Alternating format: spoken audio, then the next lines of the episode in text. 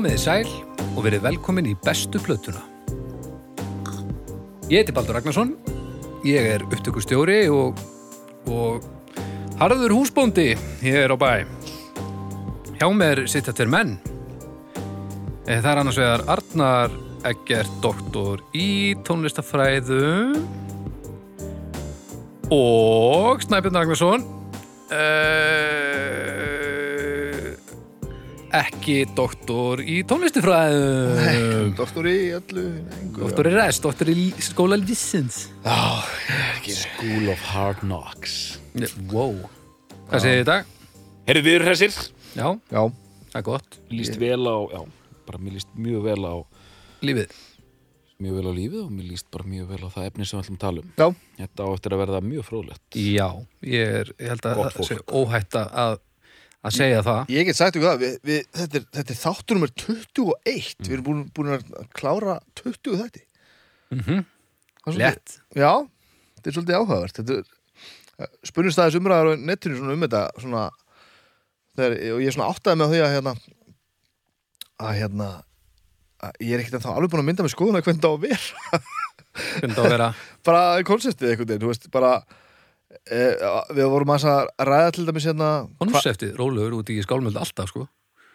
Er Nei, þetta ekki nóg fyrir þig? að- Jú, einmitt, við vitum sirka hvernig þættinir eiga að vera e, sko, hver og eitt þáttur sko, en hvað til dæmis þegar að fyrir að þinnast þess í bunkanum sko, og, og við fórum að tala um hérna hvað með hljómsveitina sem að ég hef til dæmis enga skoðun á.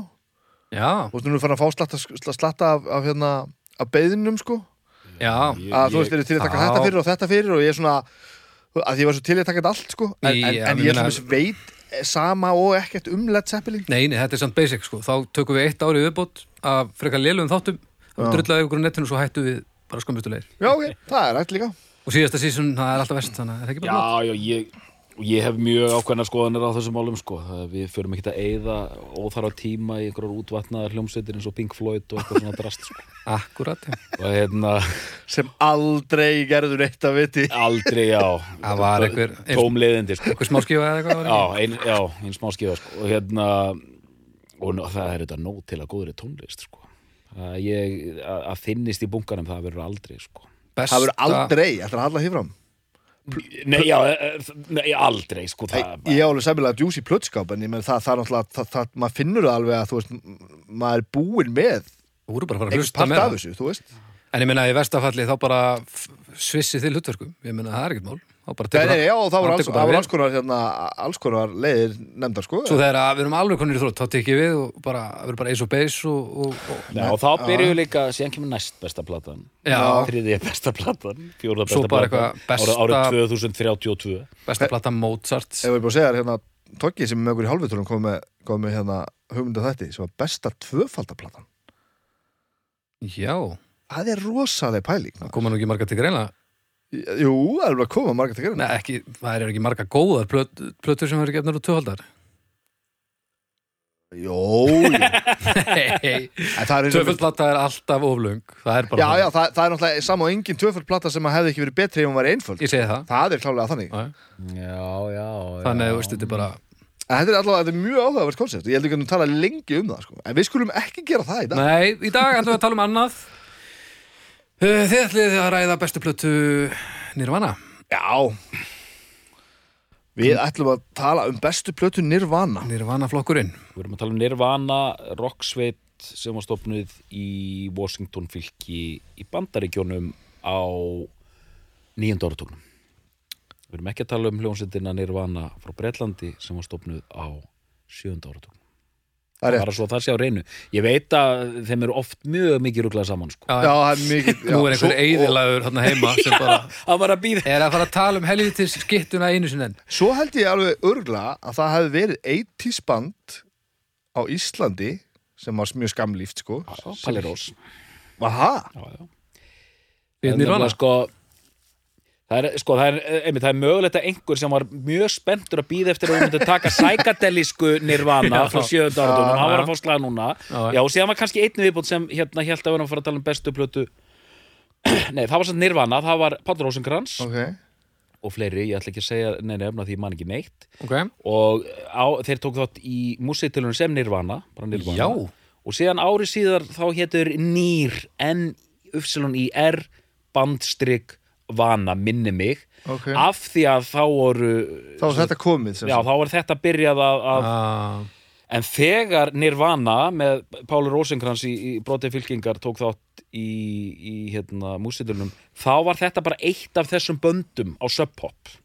Já, Þú veist, það var bara, þetta hefði verið svona 89 þegar þeir voru bara ennþá, þetta var eitt af þessum nöfnum sem maður sá á postlistanum frá Sub Pop, já, það er Screaming Trees, það er Mudhoney, já, Nirvana, já, alveg rétt. Og Þannig að síðan bara svona, síðan bara breytast hlutinir. Það var Páli Rós, spáðið því.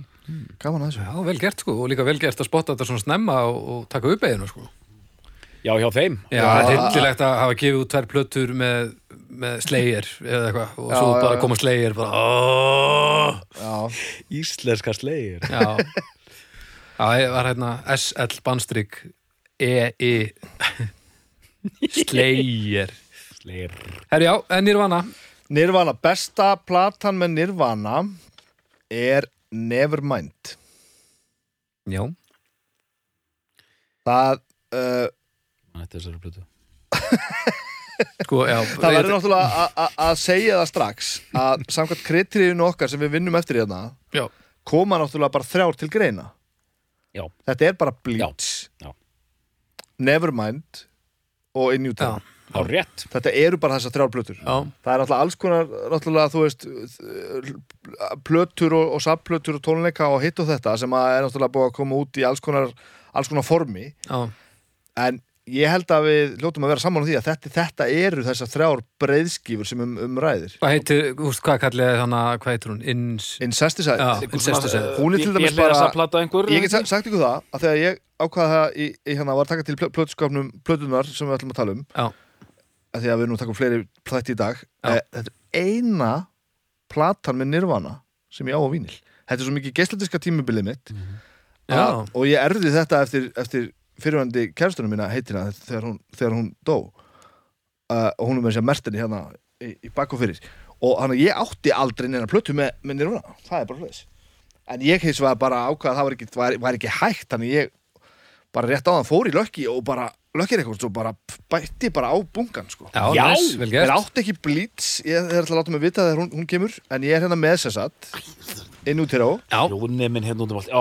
og, og ég er með in, Incesticide. Já, og ég er með Unplugged, unplugged hérna, hérna í, í hérna New York. Mm Mhm. MTV, MTV gigið, við þurfum kannski að opna þetta svona þegar þetta er í plastinu og allt sko. Þetta er... En en sko, svo náttúrulega kom út eitthvað svona meira, eitthvað, eitthvað saplötur hann From the Muddy Banks of the Viska og, og eitthvað, svo er eitthvað ný, setna. hérna, alls konar eitthvað svoleiðis, en, en þú veist, Já, þessi, og þessi unplugged sem... og náttúrulega veist, legend eitthvað, Já, þú veist, er náttúrulega breytti ótrúlega miklu þarna þess að átti ég bara geislandi einhvern tímann og lungu búin að þetta er, það er magna Láta Ég held ég þetta allt saman á vinil Ég held að Og- þú og ættir þetta alveg já, já, nei, ég veginn bara Þetta er oft plata sem hérna er, er þú veist, fyrir þeir sem er ekki jafn miklu nördar við, margir sem vilja stilla þessari frá sem bestu nirvana plötunni. Unplugged unplugged, já, Já, þessari. Já, já, já, er bara svo, þetta, bara- þetta skilaði sér svo illa í útvarpi sko. Mikli töfrar, töfrar í þessu en setti. þar eru við náttúrulega sko, í, þa þarna ætla ég að fullir eitt það er fólk sem að heyrði þetta fyrst Já, já, já. þú heyrðir Já. ekki Nevermind og svo þessa og finnst þessi best? Nema þér finnist þessi, þú veist, þú sért ekkert alveg þarna. Þetta er bara, þetta er ekkert alveg það sem þeir eru. Nei, nei, nei, nei, nei já. af kofirlögum og, það er svo svona og svo til því. þannig að hérna- efnið er ekki einu sinni þeirra. Þú segir Incesticide sko, Incesticide er náttúrulega sko eru, eru mörg sesjón sko það eru, það eru fleiri, fleiri trommari hérna og þetta er alls konar sko veit Já, en- en- en en- þetta er en bara hvað- samplata. já, þetta er bara Er þetta samplata? já, hún er í Þetta er- rauninni þetta er svona, þetta er svona demo Þetta er demo, björliðar Alls og... konar ég nefnilega hlustaði mjög mikið á þessa lítill já, En ég hugsaði hann alltaf sem bara plötur sko. Hvað þetta ertu, Hrista núna? þetta er, Þetta er bara nefnum, nefn, hérna, er þetta ekki bara orginal pressa sem hún hefur átt jú. bara, Þetta er bara pressan, sko. er bara Ég, ég átti hérna, átti Þísk, þíska pressan já. Þannig, sko. Gaman að opna þessa Incesticide plötu hérna, Hér, þetta er tvöfaldur vinill Ég hlustaði djöfull mikið á hana. Incesticide, já, hún er, Já. hún er ótrúlega skemmtileg. Hérna, hér er þess að hristist ekki neitt. Hér, allt. Ne og nefnumættir, þetta er í hérna Glanskover, sko. Já, já, þetta er náttúrulega þessi legendary mynd. Uh, Hérna Já, ok, já. Sko, uh, nú þurfum við kannski á ég, á ég að koma með minn, minn svona kannski venjulega formála þess að þessu Já, eh, Já. se, segðu okkur að söguna Hvað, Sko, ég, ég náttúrulega heyrði í Nirvana uh, þegar ég heyrði í Nevermind heyrði í Nevermind fyrst, sko Ég man bara, ég var í, í ég held ég hef sagt þess að sögu áður hérna.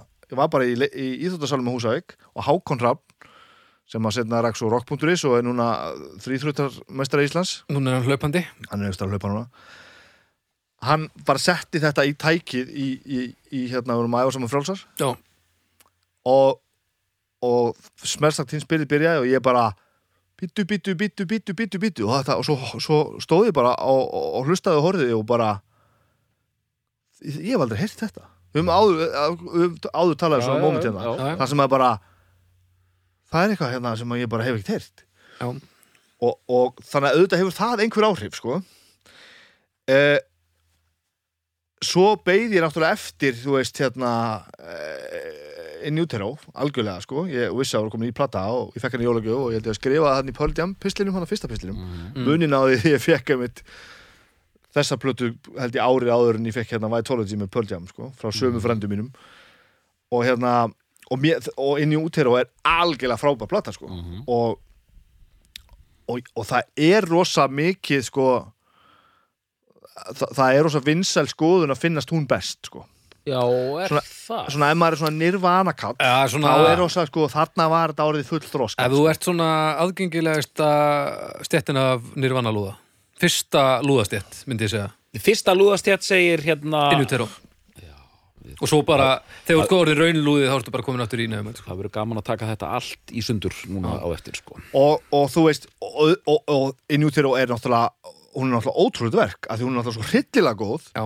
og það er náttúrulega með ólíkindum að einhverju, einhverju ljómsitt hafi tekist með einhverju móti að fylgja eftir þessu monsteri sem að nefnum mænd var af því það er náttúrulega bara stærsta stærsta plata í heiminum hvað var það svona impact sem hún hafði þegar hún kom út. Þetta var- þetta var bara, þetta þetta var bara algjört, algjört skrýmsli sko. Það var, rétt. það var stemmari, stemmari fyrir þessu. Já, var, já, fólk var að fíla þetta. Já, Svo já, fólk- hérna tyrfa með því tala. Þetta, þú veist, hún er líka sko og, veist, og þessi, þessi nirvana stoppar að segja bara, já, ég meina heart shaped box maður, þú veist, þetta er svo gæt sem þetta er, en, en, en sko og, og það er best að ég segi það líka að ég nefnilega var þessi gaur í smá tíma. Inn og til Inutero já, ég var plebbin sem að, hérna, já, þú veist, á rosa ég nefnum mændi náttúrulega geðveik, sko en, en inn úr tero, sko, þar eru og svo kem, svo, svo hérna hætti maður nú aðeins að hérna vera þessi gaur sem þarf alltaf að reyna að vera einhvern veginn. Og tekur þetta bara svona eins og þetta kemur fyrir og þá kemst maður að því og hlustar svona bara frekar svona, hérna, bara hlutust á, á það að, að Nevermind með Nirvana er svo góð plata hún er svo ótrúlega helstæð og, og vel framleitt og, og eldmóðurinn er svo ótrúlegur að innutero á ekkert breyk í hana. Frábær plata en þú veist Nevermind, þetta er bara Réttu mér nefnumænt Hvað viltu, Nevermind? Já, innan nefnumænt fyrir mig. Svo vel Það verður einhver að tala í mikrofón samt við erum bara að skoða plötur hérna. Já, ok, ok, já, halda áfram Ég hef ekki svo ekki mikið meira að segja Já, en, ok. en ég meina að þú veist Við þurfum, Eh, var- kannski ekki að segja sögur hljónsættanar Hérna, þú veist, nei við Ég, þú veist, við hefum eftir að segja alls konar held ég Ég get alveg farið lengra í þetta að þú vilt sko. Ok. uh, En það sem að, já, kannski það sem að sló mig Þannig að þegar ég var að hlusta á þetta það sem að, eftir að maður kannski hefur skoðað þetta hérna, eftir á maður var að hlusta punk og þungar okkur alls konar. Og maður var svo að hlusta svona einhverja svona svolítið sniðu tónlist og, og rólir tónlist. Þarna var þetta einhvern veginn bara svona þessi, þessi risastóru stökk á milli einhvers brjálæðis og, og róli þetta Já. þessi ofbóðslegi kontrast alltaf sko. Já, já. Og þú ert 13 ára þegar þú heyrir þetta Já, fyrst. ég er 13 ára. 13 ára sko. 13 ára Já. þegar ég er þetta fyrst. Að verða, já, mögulega að verða 14 sko, já, Ég, 13 ég er sjö ára.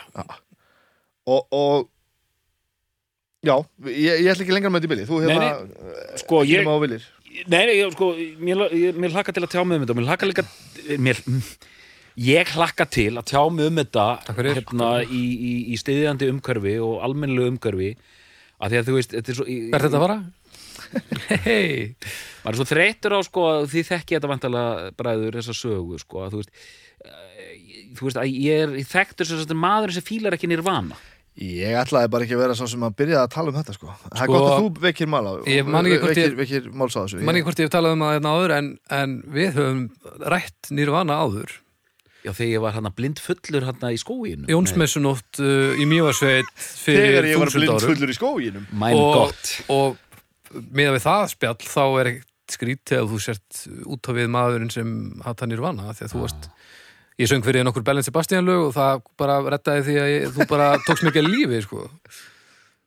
Ég man ekkert eftir þessu en ég man eftir þessum fallega Bellan Sebastians já, Ég já, man mjög vel eftir því. það er gott, það er gott.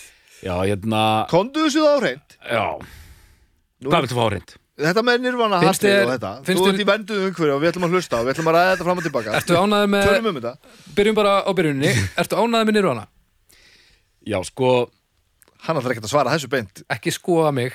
Að Leðum að tala, sjáum hvað hann segir. Já Herra þáttáttstjórnandi um, Já, ég Bara, Ég ætla- bara einn daginn sko. Já, bara einn daginn sko. Ég... Já, ég er rosa gladur að þessi reits þáttur varð til að því að ég held núna í alvörinu að þeir sem eru að hlusta núna eru gjössanlega komin á bríkina sko. Já, það er mjög gott sko, fólk heldur að núna verði allt brjálað sko. Já, og allt verði villust, en, En- það, en? það verður það ekki. Já, ok. En það verður kannski smá villust, Ég, ég, veit ég, ég, ég kynna það, ég var búin að búa myndur að þetta að fara slást. Nei, málið er það. Og ég ætla, ok, þetta eru tvær sögur, ég ætla að byrja á fyrstu sögunu, hún verður, við verðum að afgreða hana. Allt í lagi, allt í lagi. Að ég er ungur blaðamaður hérna á morgunblaðinu og þú veist, ég þegar, ég, þegar þessi plata kemur út nirvana, mm þá er ég sko 17 ára og, Og þá að vinna mókanum Nei, nei, nei, nei, nei, það er þess að nú er ég byrjað að fokka öllu upp, sko, allavega. Þú varst að hjóla? Ég er 17 ára þegar Nirvana kemur út, 91 og uh, hérna ok, við verðum að taka þetta krónologist ég er 17 ára þegar þetta kemur út og þetta er bara plata sem kemur út. Ég sagt, tek ekki þessa ótrúlegu sótt sem allir taka sko. Tók hana bara, eiginlega bara ekki en þú veist, málið er bara það ég var að lesa Melody Maker alveg fullu þarna, 90, 91, 92 93 og þetta var alltaf í blöðunum sko. Melody Maker fylgdist mjög vel með grugg senunni þeir tóku það mjög fast fyrir. Þannig ég var alltaf að lesa viðtöl við Kurt Cobain. Uh, ég var alltaf að lesa gaggrina og svo plötur uh, fréttir og eitthvað svona. Þannig ég fylgdist alveg ótrúlega vel með, með þessari hljómsveit. Já, sem kemur þessu plata út og, og þess að fyndi að þegar platan kemur út þá er þetta, þú veist heljarstökki byrjar ekkert strax. Platan kemur bara út. Já, já. Það er ekki bara fyrsta degi bara að vera allt villust. Það var einmitt eitthvað að tala um þetta uh, að til Þossi hefði ekki verið að ræða um þetta við okkur að, að því að hann var að að hlusta Pearl Jam þáttinn. Að hann var einmitt að segja að við höfum kannski svona Já, hann var ekki alveg saman öllu sem við sögum Já, og, og eitthvað var bara eitthvað villis að því við myndum ekkert betur. Að mögulega sko. Mhm. og hann var að tala um það sko að því að, að, því að sko Ten kemur út aðeins á undan þessari. Já, einmitt. Og hún var eiginlega meira impact sko. Já, já, svona, svona til að byrja með, vill hann minna sko? Nei, það sko? Nei, nei, það er sem sagt að, að, að Ó, Nei, nei, það er sem sagt En að fara að leiðrétta leiðréttingu það er ekki. Ten með pöldja var bara í marineringu í hálft ár sko. Var, þú veist, hún var ekki Nei, hún var ekki monsterið, já. Já. já, það var það, já, já Akkurat, Þú veist, það, Já, ég hún að var, rugga- hún, ég skilur, hún, já, hún já, já, ég er að rugga saman tveimur hérna Það var alveg hitt já, já, ég er að segja, hún, Allt sem ég sagði nema ekki að Ten kemur út og hún er bara einhverja mánuð Já, já. að lulla að Því að við vorum að tala um að, já, já og þessi þetta. líka já, já, hérna, já, þetta er við- góð, góð, þetta eru með við erum sko, já, góðu hlustindir já, við erum, við erum, við erum, við erum nettir við erum mjög Þú nettir þetta að standa við að vera doktor, ég er bara einhver gaur sko. að, sem sagt, en Nirvana, þetta voru einhverja vikur. Á þess að verða eitthvað. Ykkur vikur. Ok, tenn er að marinast í mánuði, þess er að marinast einhverja viku. Já. og ég man Danni, vinnu minn, hérna Mösari, Aha. sem ég eh, nefn nú, hérna, hans að fá mig kaffi hérna, á, áður en lætin byrja. Hérna, ásakið já, ásakið hlustundu góðir. Að eh, Danni vinnu minn, hérna Mösari, sem ég nefni nú oft hérna í þessum þáttum sko, af því að við vorum svolítið samferða í, í, í ímsu á þessum árum. Hann hérna fer út kaupir plötuna. Nei, nei, ég er bara glæð Danni kemur smá lekkit við hérna, strákar sem ég var með í hérna, strákar sem ég var að gera útastátt með hérna, Guðni, Átni og Emil okay. Átni meðal hann skítaleikar í Stafran Hákon í dag. ok þeir fóru og keftu plötuna og þá var þetta bara eina af þessum plötum sko. og ég, ég gleymiði aldrei hvað þetta var casual umræður Eru, hérna, eru þið búin að tjekka á nýju Nirvana plötunni? Já, já, ég kefti hana í dag, já Hvernig er hún? Hérna Já, þetta er ágætt, fíl ekki söngvaran Já, ok, en hvað með hana nýju Þú veist, séðan bara næsta, sko Hvað með þessa plötu? Þetta nefnilega kemur inn á, núna kemur inn á svolítið sem að ég einmitt var að, var að velta fyrir mig Já, Því ég, ég hef sagt fleiri svona sögur Af því það bara, já, svo heyrði ég þetta Þetta var þetta með sér í reit, sko Mm. bara, Og þetta, ég var alveg bara Nö, ég hef aldrei heyrt þetta áður." Er ég kannski bara ímynda mér veist, Fannst mér þetta í alvörunni Ég man þessi moment, ég man að á staði fyrir fram að sjónvarpið og hort á reits vídjóið og ég man eftir að á staðið inn í Íþjóttahöllinni á Húsavík og heyrt þetta. En, en, en var ég svona, þú veist, var, var ég slefandi þarna á, standandi á, Já, á þú meinar Þetta að- getur verið, ég til dæmis man eftir ég, þegar ég lærði að hjóla en ég man eftir í þriðu personu sem er mjög ólíklegt. Að- að gerist eiginlega ekki Já, þannig. en er minningar þar ég, sé, ég er að horfa aftan á mig sko. Það er ólíklegt að það hafi Það er verið þannig. mjög Já, ólíklegt Ég held að þú hafi verið frekar inn í haustum maður þú lærir að hjóla. Ég held það sko. Já. Þannig að þú veist, Minnið það svíkur sko mögulega er maður að, að, að svona Svona falska minningar Já, Þetta þú verður- veist, þú dramatiseraða minningar sko. Og svo fyndi sko að, þú veist, við erum hann 17 ára gamlir og erum að hlusta svo mikið á tónlist og þetta er bara eina sem plötum. En þú veist, ég man alveg við vorum spenntir, Það þetta var í umræðinni og bara svona, hvernig hljóma nýja nirvana? Ég man ég spurði bara svona, "Hve- hvernig hljóma nýja nirvana? Og bara, að þetta er nokkuð gott, hérna, sungar hann samt svolítið leðilegur? Já, ok. Og síðan var bara að fara að hlusta á hvað annað, síðan bara heldur hann frá alla, síðan springur hún út og ég man alveg eftir myndbandinu hérna Smells Like Teen Spirit. Og mér fannst þetta, þetta var helviti geðveikt sko, þetta voru svo mikið læti og það var alveg brjálað, rosa orka sko, en ég, skilur, ég 17 og ég er að verða átján. Ég er, það, það, mínar hljómsveitir innan kjæsalega er alltaf komnar einhvern veginn sko. Í- það er orðið þema í þessum þáttum að, að ef þú varst orðin 17 ára, þá fannst þið bara leiðilegt. Það er bara svolítið þannig. Nei, þess að ég er hún 17 ára, ég var ekki 14 ára Nei, akkurat, bara saman með reits. Já. Já. og það er bara, þegar þú ert 14 ára og ekki 17 ára, það bara hefur allt að segja Í janúar 1991 stopnuðu við fyrstu hljómsveitur okkar Mhm. og við gátum náttúrulega ekki neitt þá var ég og Böbbi sem er með í skálmöld og, og Aggi sem er með í hálfutónum og, og Billy sem er lögga eitthvað sem einhvern tíman var svo innvortið setna Mhm. og þetta kemur svo stuttu, stuttu setna sko Mhm. Að þarna kom loksins svona alvöru hljómsveit með alvöru lög sem allt var alvöru við og öllum fannst rosa alvöru Mhm. og ég gætt spila lögin Já, ég held að það hafi skipt rosalega miklu máli. Ég gætt bara tekið upp gítarinn Já, og ég gætt bæði ég er með svona þetta, þetta sæmilega góða tónera og, en þó ekki þessa ekki, ekki meiri getu en þetta á gítarinn ég gætt bara hlusta á þetta og ég heyrði bara strax hvernig það var spilað og ég gætt bara spila þetta. Já þetta, er það alveg, spilaði náttúrulega hellingsrullu í þessu verði þetta er ekkit ósvipa bara með sex pistols sko. Þe- hérna, þess vegna var þetta svona rosalega stórt að því að innmitt, þetta eru einföld lög. Það er rosalega svona spennandi orka í gangi, það geta allir spilað þetta en það næstu tíu ára eftir í, í músitilunum voru bara nirvana hljónsettir að spila já, já. Já, já. En byrjuð, þú ert með aðra kenningu, Baldur Já, Ég á sko, Sex. Pistols versus Nirvana, þetta er nú svolítið flóknara en Sex Pistols, sko. já Já. nei, Þetta er fló- þetta er er ekki fló- sniðura þetta er ekki snið- flóknara Jó, í spilamennsku.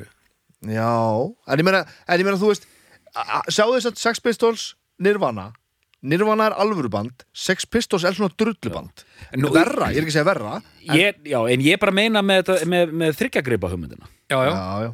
Bara, þú veist, ein, en Nirvana er kannski einmitt Já, en nú þetta er- galdurum við Nirvana að það er alltaf snúið upp á þessi Já. þrjú grip það er alltaf eitthvað meira þarna Já, því verið að samfara mig bræður um að þetta one trick pony sem Kurt Cobain er hérna sé eitthvað, sé eitthvað aðeins meira byrja spunnið þetta helviti út af alla kemur hann sko. Sko, að þetta sé nú eitthvað meira spunnið en þetta uh, lögin eru ofbóðslega góð.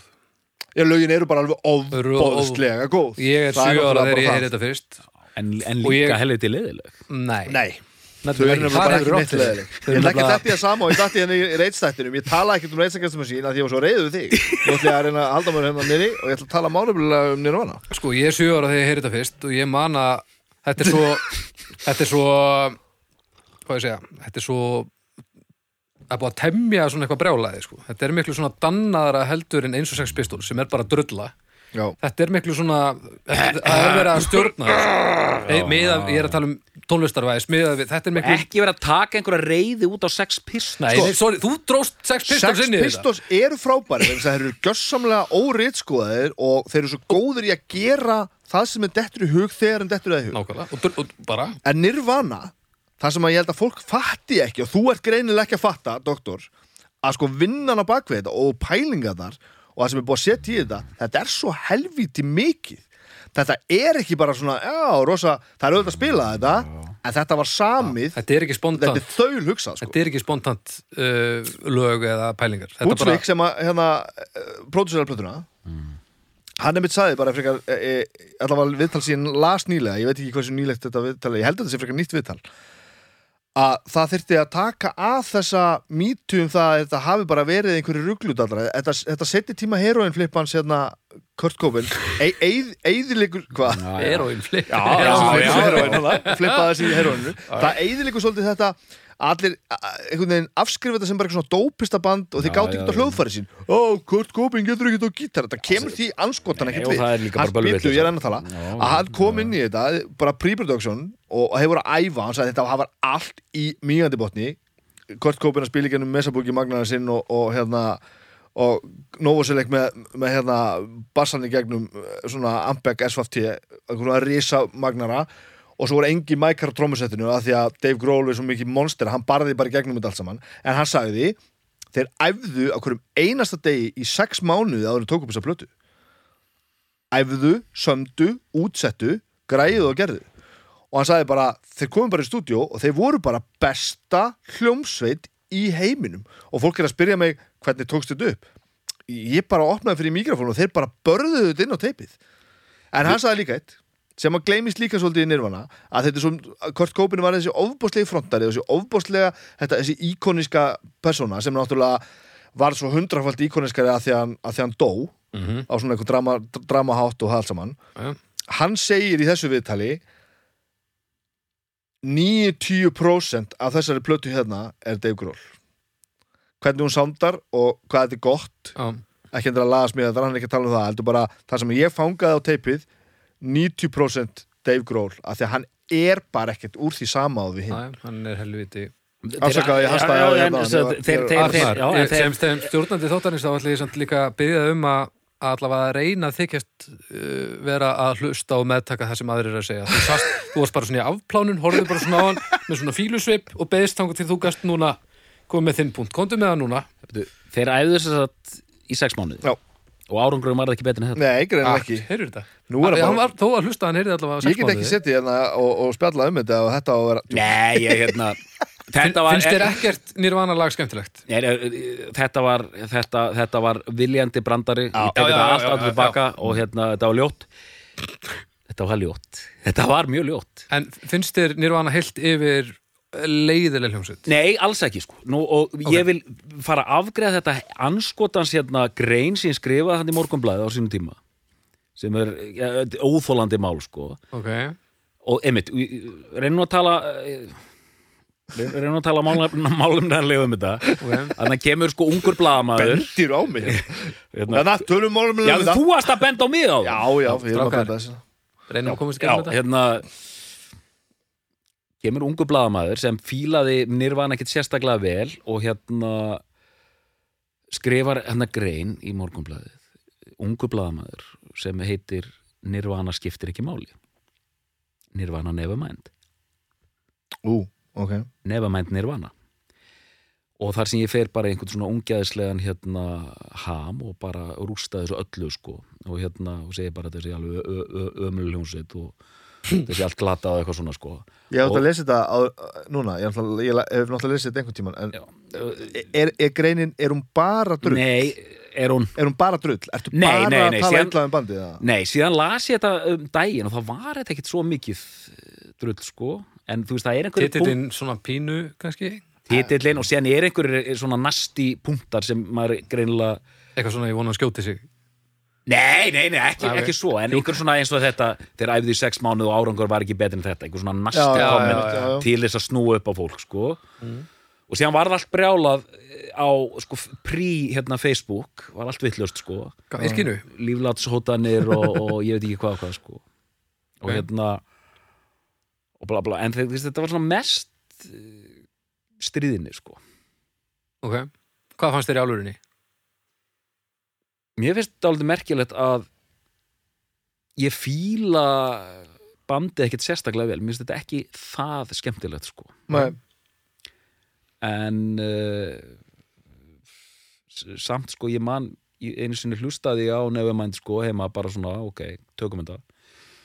Og þá tók ég sérstaklega mitt eftir téðum trommulik Dave Grohl. Og var bara svona, djúvill er þetta massíft sko, þetta er Mhm. alveg geðvett stöf sko síðan má ég fá að nefna að það eru samt lög hérna þú veist, það er valla hægt að tala um smelslag Teen Spirit, þetta er svo rosalega þetta er svo mikið lag. já, það er ekki, er maður veit Þetta er svo mengað af svo mörgum tilfinningum sko. Hvað á maður að gefa? Maður að gefa Bohemian Rhapsody 3,5 eða eitthvað? Þú veist, það bara gengur ekki upp. Nei, þetta er er bara svo, þetta er svo, svo mettað af einhverju, einhverju öðru sko. síðan eru sko, ok, nú, nú hlakka mig til að fara að segja eitthvað viti hérna, af því að sko tökum lag eins og hérna Koma As You Are, þetta er þetta er alveg geðvett lag. Ja, sturla. Þetta, það er að tala um þetta svona, þetta er bara svona þjóðlög eða eitthvað álíka, þetta er svona lag sem þú getur sest niður við, við var, varðeldin og spilað. Já, já. og, og þetta stendur alveg. Og hérna, nú ætla ég að fara aðeins tilbaka með þetta hvað saði ég, þetta væri hérna að það er ekki rétt sem ég var að segja að er- koma sjóðar, þetta er einfalt lag.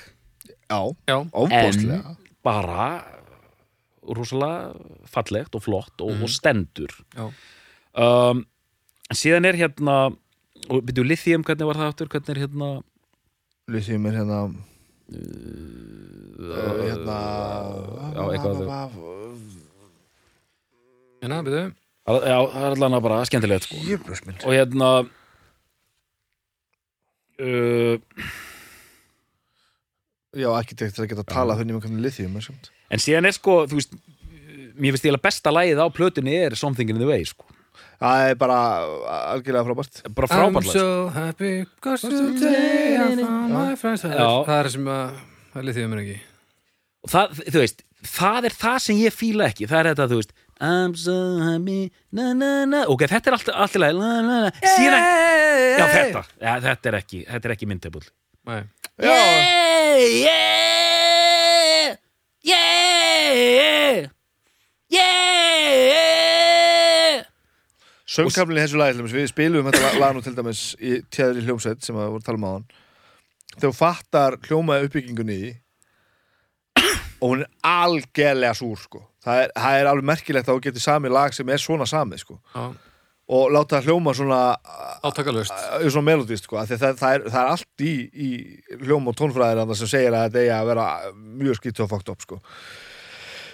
En, En svo eru þið með sko lög svo hérna Brít og pri- pissing sem Já, er bara, þú veist sem er bara svona drullupöng sko. já, ég auðvitað fíla eh, Territorial Piercings alveg í, ræma Það er þeim mjög fyndið að gefa þessa plötu og það er fyrsta lægi á Já. Það er rosa skrítið Það er bara einhvern veginn en er, Kannski en, er þetta gæstildiskur en, en síðan finnst mér ég meina, Gefið út sem heild kannski meira. já, sko en hva, mér finnst þess að, síðan kemur hann að Lounge Stay Já. Away on a Plane Já. þá finnst mér svona eins og bensinni sitt álítið að vera búið Já, meða við kannski alla sleggjum fyrir, fyrir hlið, það getur verið Já, já, já, ég get alveg, alveg bakkað upp í því, sko. I'm on a plane Það er, er gott lag, frábært já, en- lag. en- Þetta er allt saman frábælu Þetta er allt saman, já, já, en ég menna að þetta er helvíti stert þetta framan af, sko. Já, og ég meina, sm smelsa tínspirit, In Bloom, Koma Sjóar. Brít, Lithium og Polly fyrir hlið Já, Og Territorial Pissing. síðan, Og svo og- En ég- er heyri- þið báðir bræður, þið eru tilfinningilega tengdir þessu bandi Já, Já, já, já, já, já, já, já, ég meina þetta, þetta skiptir mig hett í spáli Þetta er fyrsta, fyrsta ég bandi sem ég man eftir í að hafa átt alla geisladiskana með en það var sem sagt þegar að ég og Bibbi vorum búin að, splæsa saman okkar diskum. Þá áttum við Já, alla. var það svo leis Já. ok, já, já. Þannig og ég man að það var svona, það var svona markmið sko. Já, ég átti hana smáskífukassan hana, ég var Já. svona bjelliða nörd líka sko. Mm. alveg, þú veist, pældi mikið í alls konar hlutum hana veist, og, og, og hérna fyrsta hérna, þessi styrunni hvað maður segja, fyrsta fúfættislæð sem var hérna eh, var bjellið á uh, djúvillir ég að tala um hlut sem ég man ekki hvernig er uh, það er hérna Marigold sem Dave Grohl syngur Já, það er já, á örgulega. Hardset Box eða eitthvað svoleiðis, á- allavega á Innutero já. þá mætti þér í stúdíó og Dave Grohl kemur ekkert og þá taka þér upp lag sko ánans þar sem að Dave Grohl spilar eiginlega bara á allt og syngur. Það sem Kurt kemur mennur Kurt, hvað sagði ég? Dave, Já, Cobain kemur ekki þannig að Dave Grohl bara gerir þetta allt saman. Og, og það er augljóslega alveg eins og fyrsta plata með Foo Fighters. Það er hann bara að byrja að gera það svona stuttur setna deyr hann bara. Og, er, veist, að, og hann í það. Uh, og þeir á með sér að spila þetta í Foo Fighters. Einhvers, já, eitthvað svona. Ég held að þetta bæði hittir mér náttúrulega á þeim tíma að ég er bara svona fyrsta skipti virkilega að byrja að hlusta á tónlist þannig að ég er mjög veikur fyrir þessu að því að þetta byrja að snemma en svo líka eh, er þetta, keirir þetta á sömu elementum og bara það sem mér finnst skemmtilegast þetta er eins og betur litsjón, þetta er bara melodíu drifið heiðalegt rock Já, já. sko. já, og, og bara, og, og þú veist einmitt, það er rattanir stundum og hitt og þetta sem var maður alltaf að lesa að það færi í taugarnar og honum hvað, hvað hann ætti auðvelt með að semja svona grípandi poplög já, já, einmitt hann vildi vera svona bara- að reyna að flækja þetta eitthvað En ég var, sko, kæri þáttastjórnandi, ég var ágjör einu Já. Ég held að margir sem eru að hlusta Já. og sérstaklega þeir sem elska Nirvana Já. hafi verið í svona Stockholms einkenni sko að þeir hafa verið að býða eftir að Arnar myndi drulla yfir Nirvana Ég Já, af því að þeir fílið það sko. Já, einmitt og þessu núna mjög svektir að því Arnar er bara hann gamall kall og neytar að hérna fara eitthvað drull fyrir utan þessa, þessa ömulegu brandara þarna alveg í byrjun. Já, já, en ég menna að þú mátt samt ekki vera að drulli yfir hluti sem að þú vilt ekki drulli yfir, það er bara Nei, ég, en þú skilur þetta ekki alveg. Nei, ég finna alveg á þér, þú ert ekki þú veist, að því að þú ert að segja að við sem tilfinningarlega tengdir þessu uh, já, það er þannig. Það, þú veist uh, ég er nú oft maður sem að svona svona syndi örlítið viljandi á móti því sem öllum finnst sko.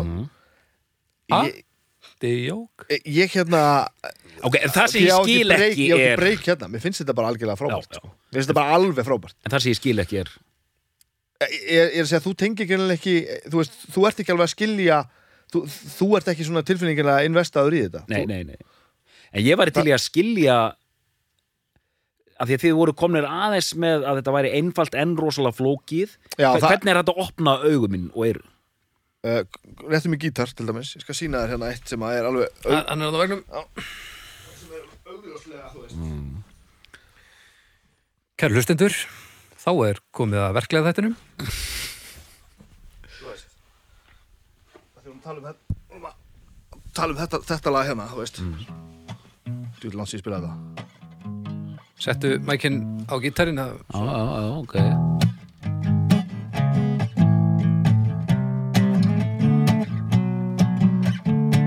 Hljómar er svo einfalt, sko Þú ert að nota hljóma sem eru sko sem eru fjóri sam, samlíkjandi hálftóna, sko sem að svona í öllu ef það þarf að reyna að semja einhver lög úr svona músík eða þessu.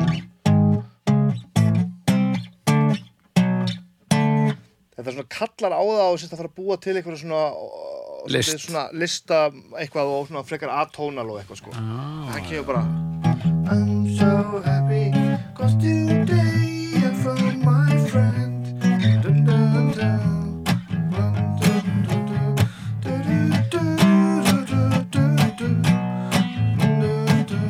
Svo hljóma bara svo hvað ditti en er alveg hel flókið.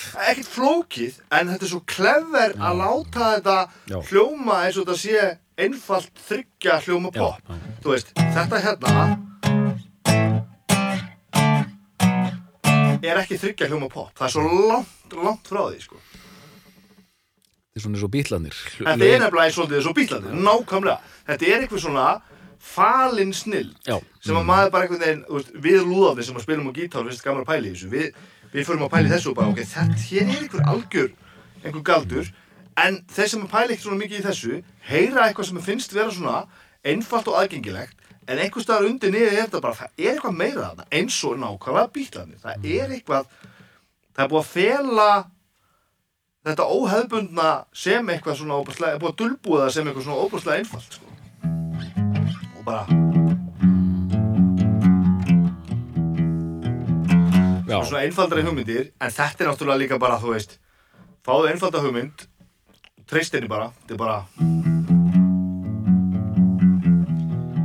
En svo er nú en nú ekki, það er nú einhver hérna kenningu það að þeir hafa nú ekki samið þetta riff alveg. Hver er, hver er aftur Killing Joke. Killing Joke náttúrulega En- eiginlega eiga þetta riff. En síðan svo, svo ég haldi áfram að bakka aðeins og vera málefnalegur og, og tala af einhverju alvöru hérna að mér finnst líka að það verður að koma fram.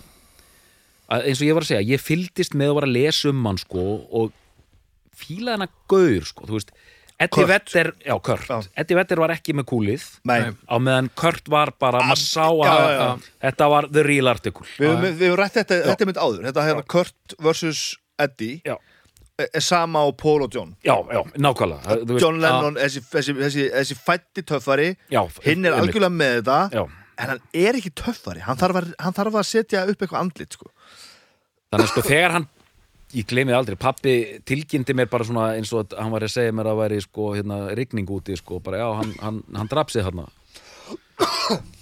Og þetta var í fyrsta skipti sem sko einn á okkur eða þess að þú veist, þetta var minn maður skiljiði skil hérna, þó að hérna Já, ég skil þið já, að bara þú veist, af minni kynnslóð þú veist, maður búin að fylgjast með þessu og maður búin að heyra þetta og þetta er auðvitað það sem er í gangi þetta er soundtrackið skilur þegar ég er Já, frá, þú veist, eitthvað 16 upp í 20, 21 og, eitthvað álíka og maður alltaf heldur ekki gleyma eins og hann var náttúrulega ódöðlega stór eftir hann dó hann var náttúrulega hann var náttúrulega super stjarna að þarna þegar hann, þegar hann deyr sko. Mhm. það er bara þannig þannig að þú veist eh, im impacti var svona stórt sko. Já. og síðan sko ég veit ekki hvort að um fyrir gesti.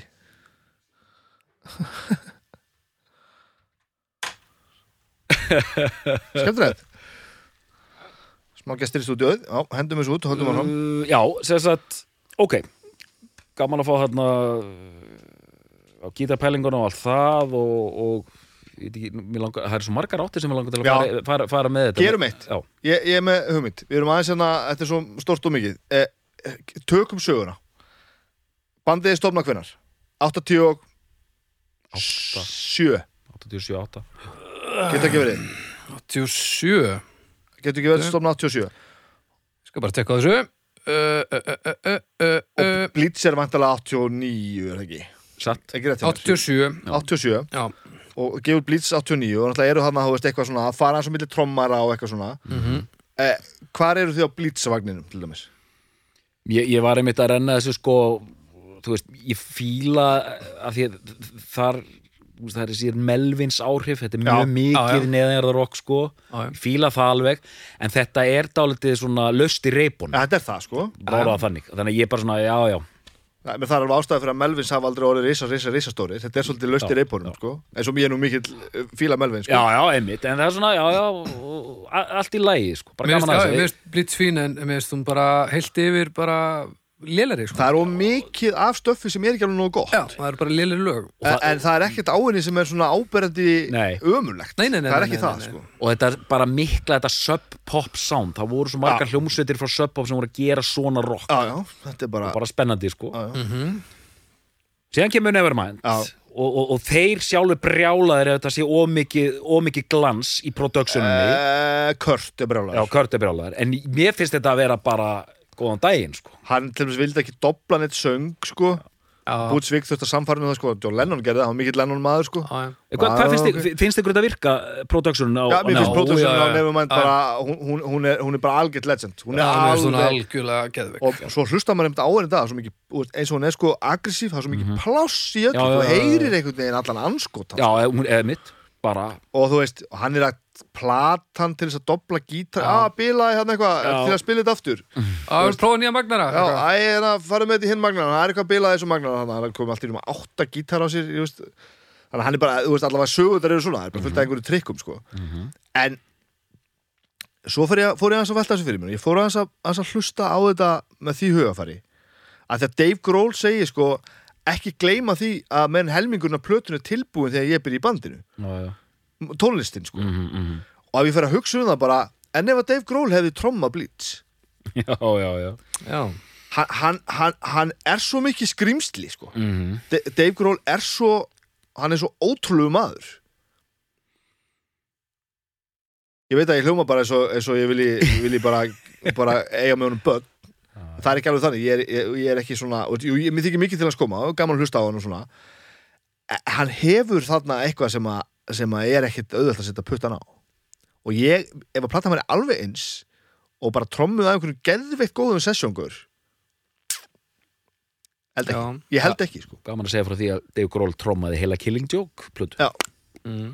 og hérna Það er, það er rithmi í stráknum sko Já, það, það, það, þetta er ekki það það er bara einhver þetta er bara, hann er bara með eitthvað svona sem ég leiðist að, að segja því ég trúi ekki alveg á það. Eitthvað svona X-faktor sem sem bara gerir hlutina að því sem þeir eru. Sem, guðst, hver annar í veraldarsögunni hefur jafna það að vera trommarinn í Nirvana og vera svo aðalgaurinn í fúfættis í allan Já, þennan já. tíma veist, það hefur enginn gert þetta.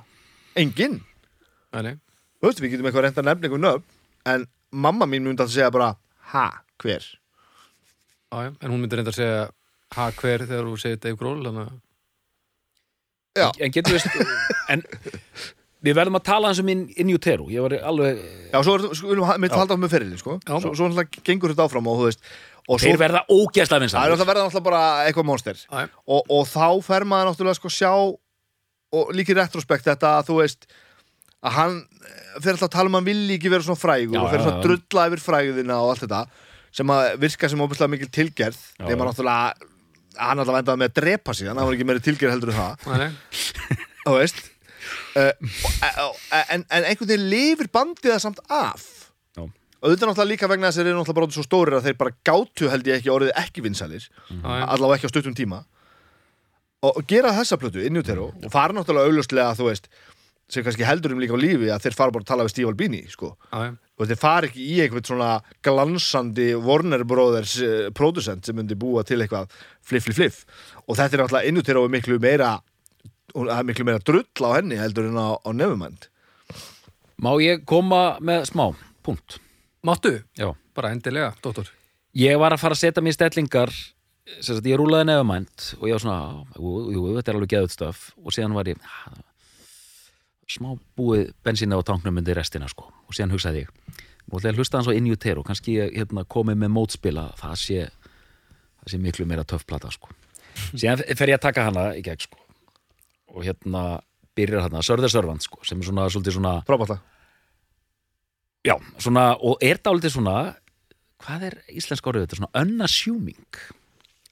Það bara svona kemur og bara Já, já, já. er og bara, bara svona, já, flott síðan strax kemur hann að Sendless Apprentice já, sem er mjög, mjög, mjög svona grófu Jesus Lizard uh, járn einhvern veginn sko. Já, og ég bara svona, heyrðu, hvað er að gerast hérna? Komin í tvö helvíti nett lögmaður. Nú ætla ég að hlaða í hérna að stilla hennar móti nefamænt sko. Þá kemur Heart Shape Box sem mér myndi að væri nú miklu skemmtilegra en hérna nei, þetta er nú alveg, það er náttúrulega frábært lag sem mér myndi að væri miklu skemmtilegra en það var að, en hérna ég bara svona, ok síðan bara, þá kemur þetta one trick pony element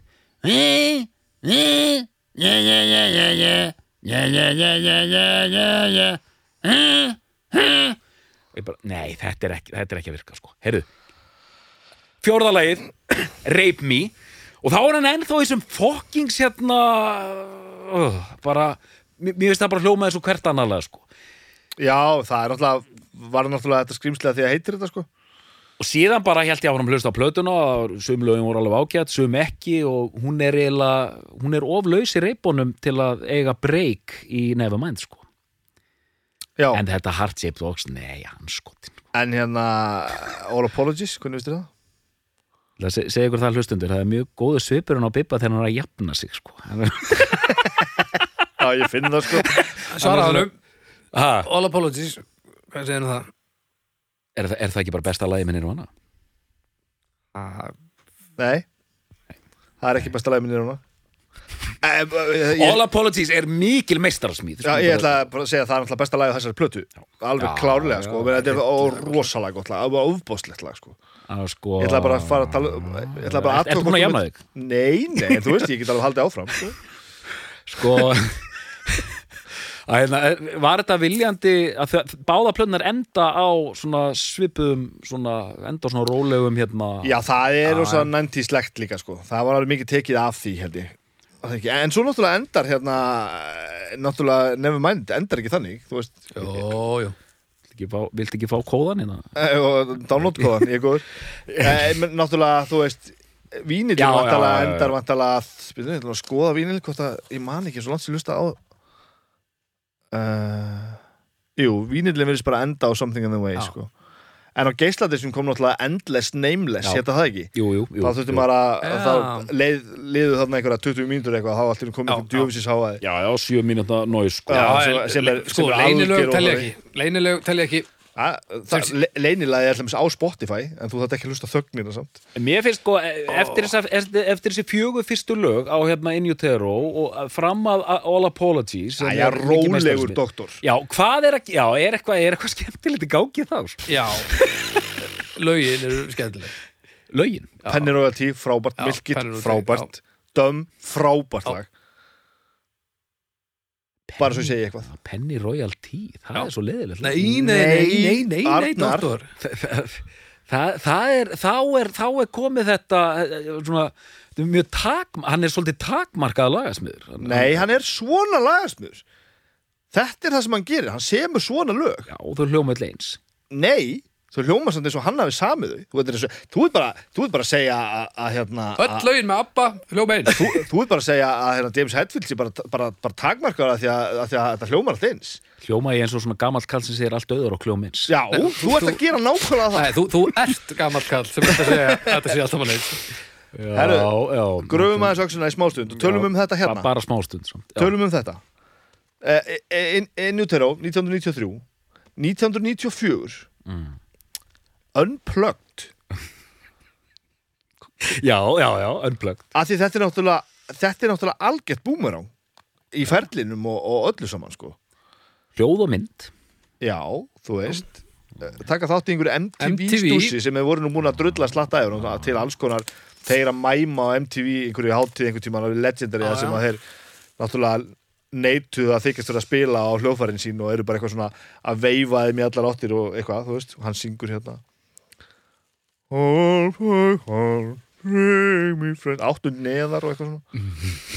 En þú veist, e, það er alveg legendary saga af því að hann alltaf um fár veikur já, já. þegar, þegar þetta er í bíkjær og er, er að gerast. En sagan er svo að þú veist hann var að hann hafði einhvern svona ofurmetnað fyrir þessu. Dave Grohl. Já. Nei, e, Kurt Cobain. Þetta er bara eitthvað svona e e eitthvað sem hann vildi óbúslega mikið gera og vildi óbúslega mikið gera vel. Auðvitað með sínu nefi, hann var alltaf að pöngast í öllu bara, já, það var gaman að þið fengi einhverja gesti einhverja, einhverja, hú veist, sem myndi svona, hérna, gera þetta, hú veist, svona einhverja einhverja svona hljómsýta vinningar eitthvað svona, e- eitthvað, og náttúrulega menn náttúrulega helst að býða eftir einhverju Pearl Jam stöndi og eitthvað svona, á Meat Puppets. Já, sem Meat Puppets, sem enginn vissi hvað nei, fáum nú eitthvað stort, Kurt við erum að fá eitthvað, nei, og það, við það bara stóð, og það er bara fucking Meat Puppets að spila þessu, bara lög eftir Meat Puppets og, þrjú lög, sko. Já, já, Geðveikt, sko. Já, Þetta er alveg geðveikt grill, sko. Já, og e, ég meina, þetta, þetta, þetta er stór undarlegt. Þetta er, þetta er mikið snill, sko. Og, og best að þetta eru frábæð lög. Já. Og bara snildarlegt einhvern veginn hvernig þið gerðu alls saman sko. en, en þú veist En mér- finnst þetta eh, Mér finnst þessi plata eh, sko, frábær, sko. Já, er þessi er þín- frábær. Já, nei, mér finnst þú líka frábær. Já. En mér finnst mjög skrítið að segja að þið finnst þessi plata frábær en hinar séu bara svona allt í lagi. Förum aðeins í gennum þetta. Nú þurfum við nefnilega að fara þessi gegnum þetta. Ó, guð. uh, Sko veit, ég held að sé eitt að sko spáði í þessu. Hvað, hvað Kurt stóð sér vel í því að hann er hann í miðri vélinni vinsalasti sko og frægasti rock tónlistamæður heims hann gefur aldrei sko hálfan millimetra eftir sko Nei, nei. og þú veist þetta er mesta og flottasta grill ever að leiða þá Meat Puppets, Meat Puppets bræður Já. í þrjú lög þegar þeir eru með þetta sko hérna uh, þú veist, þetta sviðsljóð sko hérna, en að því ég hef hort nokkur sinnum á þetta og mér finnst það bara indislegt sko hann er þetta mjög svalur sko, með sígarettuna og allt þetta sko Já, já. Og í geðveikt flottir peysu sko. Kom með selláleikaran hérna inn, inn á þetta. Og, og Patsmér byrjaður þarna. Já, pa, já emmitt Patsmér hann góður og, og, og, og grólarinn mjög flottur í rúlukragabólnum já. með bjöða tróma með bjöðum. Já, og, hérna Já, þetta er lúk sem að það- ekki allir Þetta er að sér að segja, þú veist, þetta er algjört þetta, þetta, kem, þetta er algjört típun þetta Og- kemur og- bara á, gjössan að þörta át allt sko. grólarinn flottur í hérna eh, bakröddum mm hérna Krist hérna með hérna, var hann ekki með harmoniku hann í einmitt. Spilaði hann á gítara bassa í einu laginu hann hérna gról minnur hann að ja, bassan í Það getur verið bass. Sýnir svolítið Örla bara í því lagi, er hérna, þeir taka hérna Jesus don't want me for a sunbeam en ekki þá sem er með hérna ekki. þannig að þetta sýndi svolítið vel hvað þetta var flott band, gott band góð hljómsveit. Já, eh, enginn er að framúskarandi að spila hljóðfæri sín nema náttúrulega Dave Grohl mm. veist, þar eru við náttúrulega með svolítið annað. En, en ég meina, þeir gera bara það sem ég gera ábærslega vel afsakaðu ég tala svona Já, nei, nei, bara endilega og bara, þú veist og, þessi, Jú, og svo erum við með söngvara sem ef þú kveikir á þessum stíl þá er hann ofbóðslega góður í því sem hann gerir. Já, algjörlega sko. Hann er alveg frekar svolítið Endirinn á hérna Where did you sleep last night á, á, þess, á þessari hérna á þessari útgáfu, hann er geðvikur þegar hann tekur röddina í sér og einhvern veginn bara svona all out sko. en, en auðvitað er þetta tilgerðalegt að einhverju leiti Þetta er, er, þetta er það. þú veist, auðvitað púlar hann þetta betur að því að hann drap sig. Já, já, Já, það já. hjálpar. Þú veist, finnur í alveg svona mikið til? Þetta með allir þessi textar einhvern veginn allt í voða. Eh, hann, hann gerði sér alveg greiða með að drepa sig. Maður svona, fann hann svona mikið til? Já, sennilega bara. Er ekki bara að gefa okkur það. En ég ætlaði líka að segja, sko, ef, ef við kíkjum á hann lagalista, að, þú veist, þetta er líka svo ótrúlega flott blanda, þú veist, einmitt þrjú Meat Puppets lög sem bara virka bara mjög vel. Já, Síðan, auðvitað, Jesus Doesn't Want Me for a Sunbeam, sem er eftir hérna Vaselins, sem er svona skost indie band. Af því hann var líka rosa mikil svona plötu safnara nörd. já, var með rosa, þú veist, var að hlusta á Raincoat sem var svona feminista hérna uh, underground uh, post-punk band, sko, hann var með allt svona á hreinu einhvern megin, sko. Já, geðveik útgáfa af The Man Who Sold the World. Bái, já. Já, og bara, þú veist, ógeðslega flottu bassi á, á, á Krist, sko, Where Did You Sleep Last Night, taka svona bara svona folk blues einhvern megin, sko, og bara gjössanlega rústa því, sko. Þannig að þú veist, þetta var algjört, þetta var algjör geðveiki þetta dæmi, sko. og maður heldur ekki gleyma því að Unplugged MTV var bara svona, já, já þú veist, Já, einmitt, vinsalt einmitt. koncept þetta var bara, jú, jú, þetta var alveg vinsalt, sko en, en þú veist, við myndum ekkert sitja hérna og muna hvað hvaða seria Unplugged MTV var nema út af þessari plötu. Þetta er platan sem að gera það að verkum að sá dagskálegur er ódöðlegur í, í, í, hugum fólk sko. Og hvað munið þetta í mörgum öðrum sem fóru Unplugged hjá MTV? Já, einmitt, ég meina þeir eiginlega sko Oasis klúruðu þessu gjörsanlega hann, mætti ekki hérna Liam sko Já, það er nú eina sem er að hafa klúrað samt. Uh, Pearl Jam náttúrulega, Pearl Jam, sem, sem að við náttúrulega sem ég kefti hann um daginn. Já. Oasis sko Já, veist, og eitthvað svona fleira, en ég meina þetta, þetta er performance, náttúrulega, algjörlega. En, en, en málið með þetta er það er þetta mikið diss fyrir doktorinn að, að fíla þessa plötu svona vel að því þetta er uppáhaldsplata hins venjulega manns Já, bólurinn fílar þetta. Og, sko. og þetta er platan sem að, að svona nýrvana fólkið þólir ekki. Ef þú ert svona nýrvana að kalla. Já, ætli það ekki. Bólurinn fílar þetta ég, ég tek ekki. allt aftur tilbaka, blitz er best, blitz er best tek allt aftur tilbaka Kassagítar og eitthvað.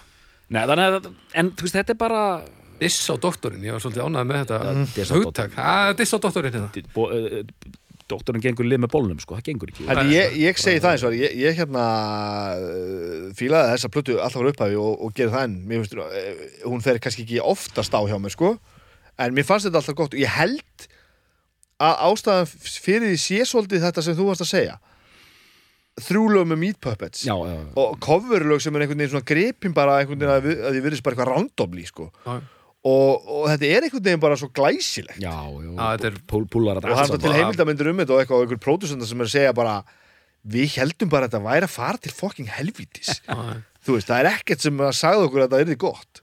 Og svo einhvern veginn smell hittir þetta svona. Já, þetta líka bara afgreðslan er ævintýruleg. og við náttúrulega erum líka með ofurmenni í þessu bandi. Það sýnir sig á þessum tónleikum og horfir á að spila eh, sem þú feikar ekki þeim er öllu dörullu sama sko. þeim er dörullu sama þetta er bara það sem þeir vilja gera nákvæmlega svona og einhver annar að segja eitthvað við og þeir eru bara nei En síðan það sem við erum með inn í höndunum er, hérna, við- þeir eru annan þátt í það sko að þetta er síðasta platan, Nevermind, sem er svona stór bylting í bara dægur tónlistasögunni. Þú fullir það? Já, algjörlega, síðasta, bara Já, þú veist, það hefur ekki enn eftir þetta 91 hefur aldrei komið svona plata sem hefur svo- svona rosalega mikil samfélagslega áhrif sko. að þú veist uh, nefnumænt umbylti tónlistariðinaðunum bara alveg Já. Það hefur ekki komið plata sem komist- hefur umbylt Hvað hefur komist næst í? Oasis Nei, sko, þú veist með, með sko hvernig hún umbyltir þú veist, bara ákveðinu hugsun sko, í fyrsta lagi, það þurfti allir að það þurfti allir að raka af sér síðahárið og fá sér stutt hár Mm. Og bara, þú veist, ákveðin aðalega hafði þetta áhrif á svona útvars viðmið, sko. Já, Allt í er underground rock tónlist komin inn í útvarpið, já sko. það er náttúrulega svakalegt sko. Það er nirvana sem gerir það verkum að Beck og, og Björk og allt þetta lið kemst í útvarpið, sko. Já. Hvað er það sem að hrindir hiphopinu alveg í fórgrunnin og hvenær gerist það? Það, það virðist vera miklu meiri svona gradual hérna, Það er ekkert moment þróun, sko. Nei, það er ekki Nei, moment, ok. sko. Þetta er Nei, bara og svona... líka eitt sem er mjög skipt við það að- að ég sem 90s kid sko uh, Nirvana og Prodigy er einhvern veginn ekkert svo langt hvort frá öðru Nei, Mhm. þegar á svo stór undarlegan máta sko. Já, já. og, þannig að svo sá stígandi var einhvern veginn svolítið svona í kjölfari á þessu algjörlega Þetta er eiginlega að tala svo hátt að er að segja sko Prodigy hefði gjórið það sem þeir eru nema að Nirvana var það sem þeir eru sko. þetta eru svo, þetta eru svo brjáluð áhrif sko. Og Ramstein hefði ekki orðið það sem þeir urðu nema fyrir Prodigy og, og svo bara gengur þetta koll og kolli. Já, síðan sko er þetta sem að letu þetta fara sérstaklega í Pyrrhanar og sér á sínu tíma lag eins og Territorial Pissings sko, sem að þræl tengdi við sko. Mm. og þú veist Nirvana var þetta, var alveg, þetta voru pönkarar sko það voru pönkarar þar sem ég þoldi þetta aldrei að því ég er svo snobbaður sko það var þegar fokking hérna tjokkoarnir byrjuðu að mæta með kassagítaran í partíin og syngja þessu lög þetta lið sem á bara að vera hérna nýr og shake og pizza og, og vera þar bara sko.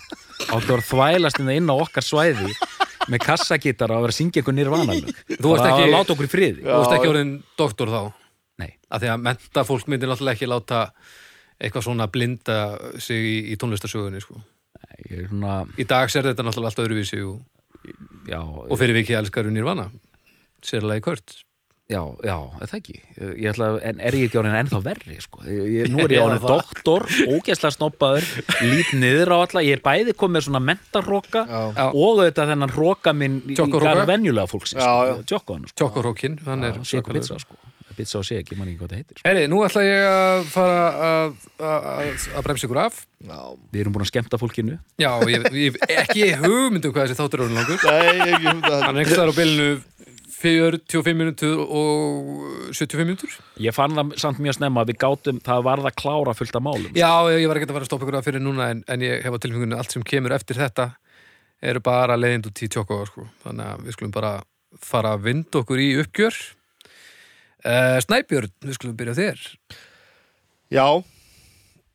Uh, Ég er nú að fatta það núna sem er mjög gaman að, að hérna, það komið loka uppgjör og við vitum ekki ennþá hvort að doktorinn er, er sammála. Gaman að því. Mm. uh, e, Það er eitt sem að við langar bara til að koma hérna, í, í, að í viðbót. Þetta er náttúrulega plata sem hafði mikil áhrif á mig og allt saman og ég held að það hafi allt saman komið fram. Uh, Það er svo mikið talað um það sko hvað þetta hafi verið svo mikið nýtt. Þetta hafi tekið þetta Pixies mál þú veist hátt, þessi, há, hávaði og, og róliheiti skipti svo tekið það svona upp á nýtt level og, og eh, einhvern veginn svona left sér að syngjum aðra hluti og, og hvað ég gátti búið til einföld lög sem voru, voru innihalsrík og þetta allt saman. Mm. og það hafi svona skapað það hvað þessi plata stóð mikið út og hvað öllum einhvern veginn, hvað, hvað hún breytti miklu. Ég var að hlusta á henni núna undanfanda daga og ég held að það hafi eitt svona orðið svolítið undir í þeirri umræðu. Það er að platan er svo, er svo góð burt sér frá öllu hinu, hún sándar svo vel hún er svo ógeðslega vel spiluð og það er allt svo rétt á henni öll tempóin eru svo góð og veist, Mm. bandið er svo hryllilega þétt að veist, hún er svo mikið legend þessi plata að þessir venjulegu hlutir sem við tö- tölum um sem býr til góða tónlist og góða plötur fólk er hægt að tala um þá þetta er orðið bara svona eins og einhver geimvera. Mm. það er bara, það gerðist eitthvað þarna sem gerðist hvergi annars staðar. En, en ok, já, mögulega en gleymu því samt ekki að það gerðist líka fullt af hlutum þarna sem að gerast venjulega en þeir eru allir upp á fucking tíu. Hljóðfæruleikarinn í geðveiku sondi geðveikt attitúti, geðveikt og svo kemur þessi snild sem eru þessi lög sem stiður þetta allt saman og tekur þetta upp á þetta level. Eh, og svo er eitt í viðbót sem að náttúrulega, þú veist, við getum líka talað um og ég get notað upp á þessu orðið mitt hvaða plata hljómar eins og nefumend Þetta er hlýstaðlust wow. hún er hlýstaðlust segiði mér eitthvað annað. Hvaða, hvaða plata hljómar eins og, og nefumend Ef þú gefur mér hálftíð mig að googla þá get ég fundið svona þrjúðust plötur sem er að reyna að hljóma eins og það er eins og alltaf mál. Og hugsaðu þér impakti sem að þessi plata hafi og hvað margir reyndu að vera nirvana og það, það komst ekki nála því það gæti engin orðið eins og nirvana Satt. Doktor? Já, sko, ég hef nú litlu við þetta að bæta. Þetta eru þetta tímamótaverk í roksöðunni, algjörlega.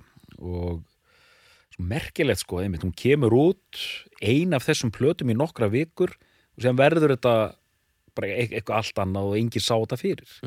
Og ég er alveg sammálað þessu, einmitt, hljómar frábærlega, geðveikislega vel spiluð og hérna frábær lög að mestu. Þannig að hérna Já, og, er, og það er löngu komið fram í þessu þáttum mín persónlega afstæða til þess og mína tilfinningar og minn aldur og bla bla bla. Förum ekki nánar út í það. Þannig að það er engin afsökunum beðinni með hann pistil. Alls ekki, það er alveg þannig, þú, þú, þú dreifur ekki til land með pistil. Nei alls ekki já, já, já, já, já. Þó, þó að ég sé ósámála mörgum sem fram, fram kemur þá sé ég ekki eftir honum. Þetta Nei. er bara eitthvað sem en þú myndir ekki skrifa svona í dag? Aldrei sko, ég myndi ekki skrifa svona pistil í dag. Það myndi ekki gerast sko. Þetta er einn af þessum þáttum sem við sittum upp með fleiri spurningar heldur en svörum. Já, við erum að gera heiminn að verri stað. Bara takk fyrir það, doktor uh, Þannig að Snæbjörn Er þetta besta plata Nirvana? Já. Doktor Er þetta besta plata Nirvana? Já, Við þakkum fyrir í dag og við heyrumst að viku liðinni